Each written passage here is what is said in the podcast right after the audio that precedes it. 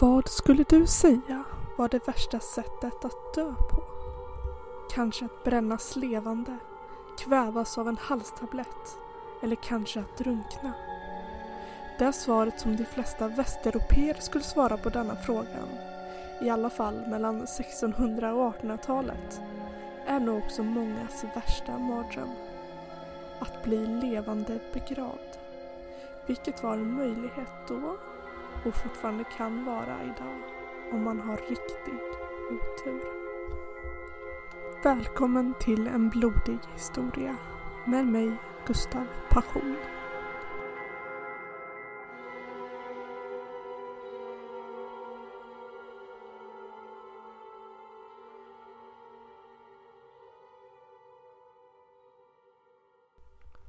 Efter att rykten och historier började dyka upp under 1600-talet om människor som dödförklarats och begravts eller befann sig på ett obduktionsbord. Och ska ha vaknat upp och bankat på sin kista eller skrikit sig hesa av att bli skalperade. Spreds en panik över Europa och tilliten till läkarvården. Den minskade kraftigt. År 1705 låg en kvinna vid namn Marjorie McCall i svår feber i sitt hem och efter att hon kämpat mot sjukdomen i flera dagar ska hon ha somnat in med sin make vid sin sida. Läkaren dödförklarade henne snabbt och begravningen påskyndades så att inte fler familjemedlemmar skulle smittas. Marjorie begravdes bara några timmar efter att hon avlidit. Men hon hade inte hunnit ligga i jorden länge förrän hennes vila stördes av några dödgrävare som smugit sig in på kyrkogården efter mörkrets inbrott. Dödgrävare var oftast män som försörjde sig på att gräva upp och plundra lik på de ägodelar de begravts med. Männen grävde upp kistan och satte igång med att försöka få av Marjories vigselring. När den inte ville släppa tog de fram en kniv och började skära av henne fingret. Men bara sekunden efter slog Marjorie upp ögonen och fick ur sig ett öronbedövande skrik. Männen flydde så snabbt det bara gick från platsen och Marjorie med sin blödande hand och den vita likdräkten svajande i vinden kravlade sig upp ur kistan och stapplade sakta hemåt. När hon kommit fram knackade hon på dörren och hennes stackars sörjande make sa till sina barn att visste jag inte att er mor var död skulle jag svära på att det var hon som knackade på dörren nu. Han öppnade och fick sitt livs chock. För där stod hans fru, blodig och blek, men fullt levande. Om denna historien är helt sann, det vet man inte. Men detta var en av många historier och rykten som uppkom och skrämde slag på människorna i renässansens och upplysningens Europa.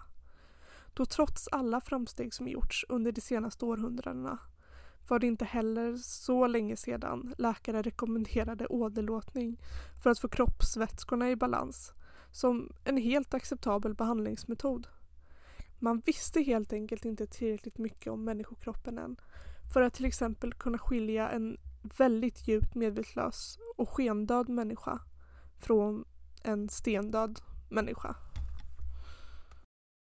Och samtidigt så berättade dödgrävarna sina hårresande historier om lik med träfliser under naglarna och lik med blodiga pannor.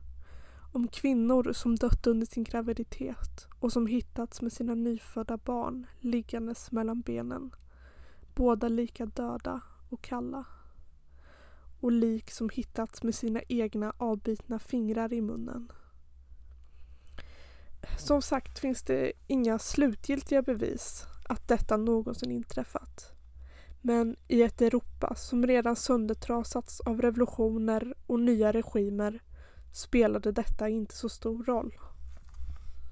Då rädslan för fenomenet redan satt djupa spår i hela samhällen.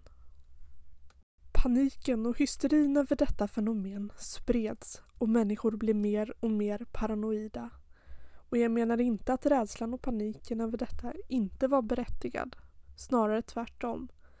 Men konsekvenserna som följde satte spår som håller i sig än idag.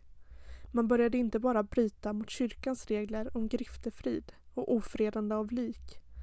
Vissa verkade helt förlora sin medmänsklighet och respekten mot de döda.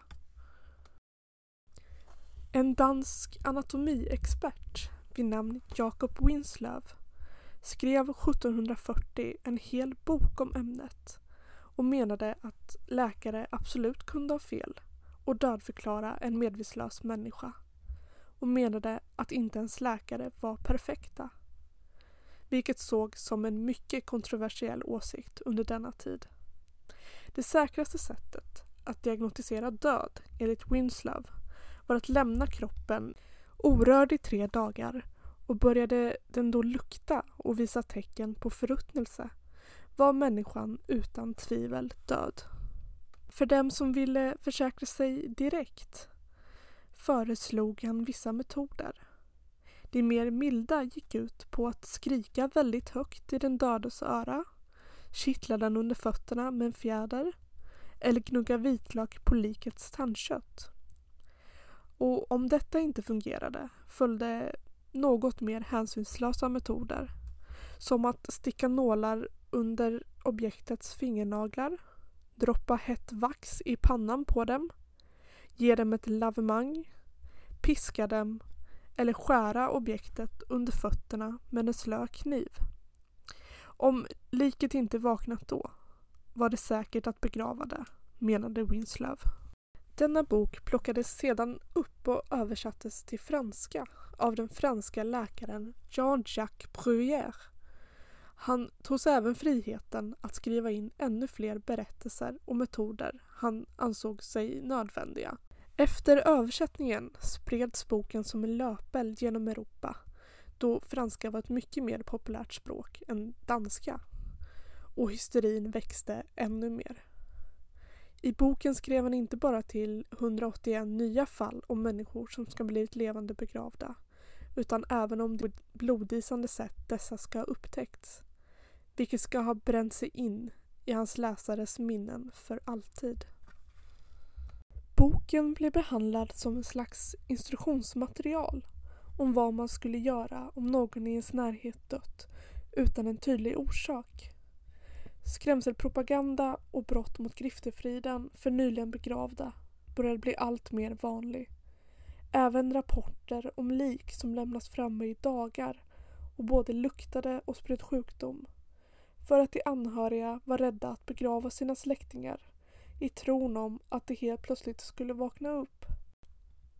De levande började vilja försäkra sig om att de verkligen var döda när de lades ner i jorden.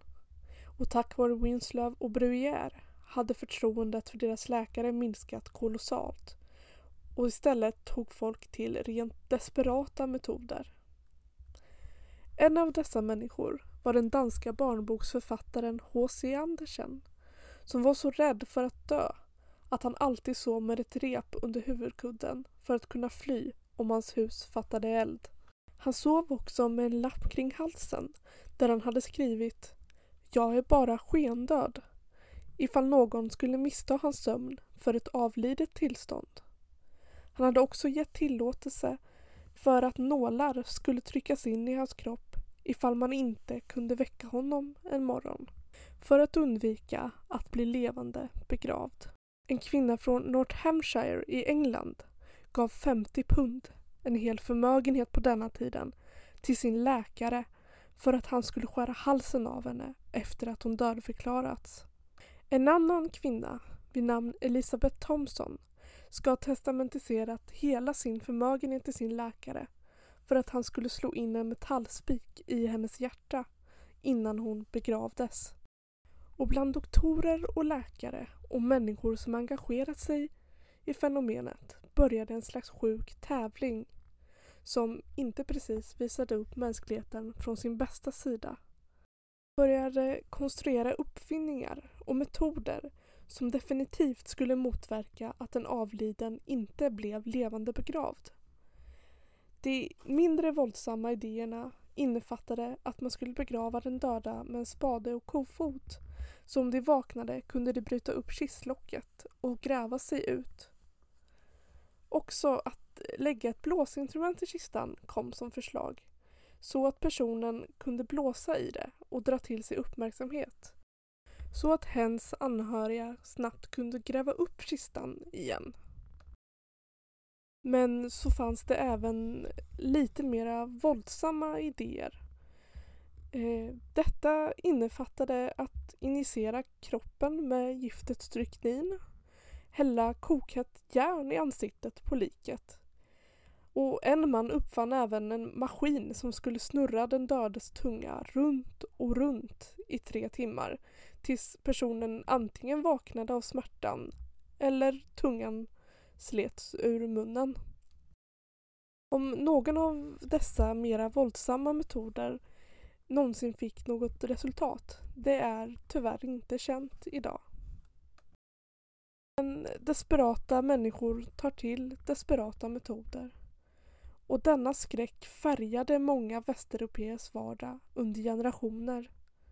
Och det hjälpte inte att tidningarna aldrig verkade få nog av att rapportera om nya fall av fenomenet. Eller att alla de nya litterära verk i ämnet hade vanligtvis skräcken som utgångspunkt. Som spökhistorier, vittnesmål om stönande från gravar och bankanden från kistor. Och det är trots allt en skräck. Som trots att den värsta hysterin lugnade ner sig så småningom. Med utökad kunskap om människans anatomi och 1800-talets nya uppfinningar. Som med en mer vetenskaplig säkerhet kunde avgöra tillståndet av en död eller skendöd människa. Utan att behöva skända liket eller griftefriden. Det finns idag ingen exakt siffra på hur många som ska ha fallit offer för mardrömsfenomenet att bli levande begravda. Då man inte kan vara säker på hur många av de historier som florerade runt i Europa verkligen var sanna. Inte heller på hur många som blev levande begravda men aldrig hittades.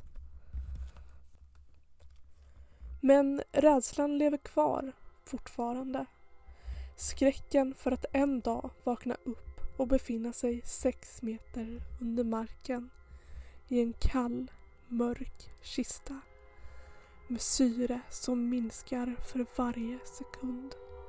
Och hur mycket man slår, skriker och bankar kan man inte ta sig ut. Och ingen utanför kan höra dig skrika. Medan du långsamt, långsamt faller in i en sömn du är fullt medveten om att du aldrig kommer vakna ur igen. Detta var En blodig historia med mig, Gustav Passion. Tack för att ni lyssnade och hoppas ni får en trevlig dag. Denna podd är skriven och producerad av mig med intro och outromusik från purpleplanet.com. Nu finns podden även på Spotify.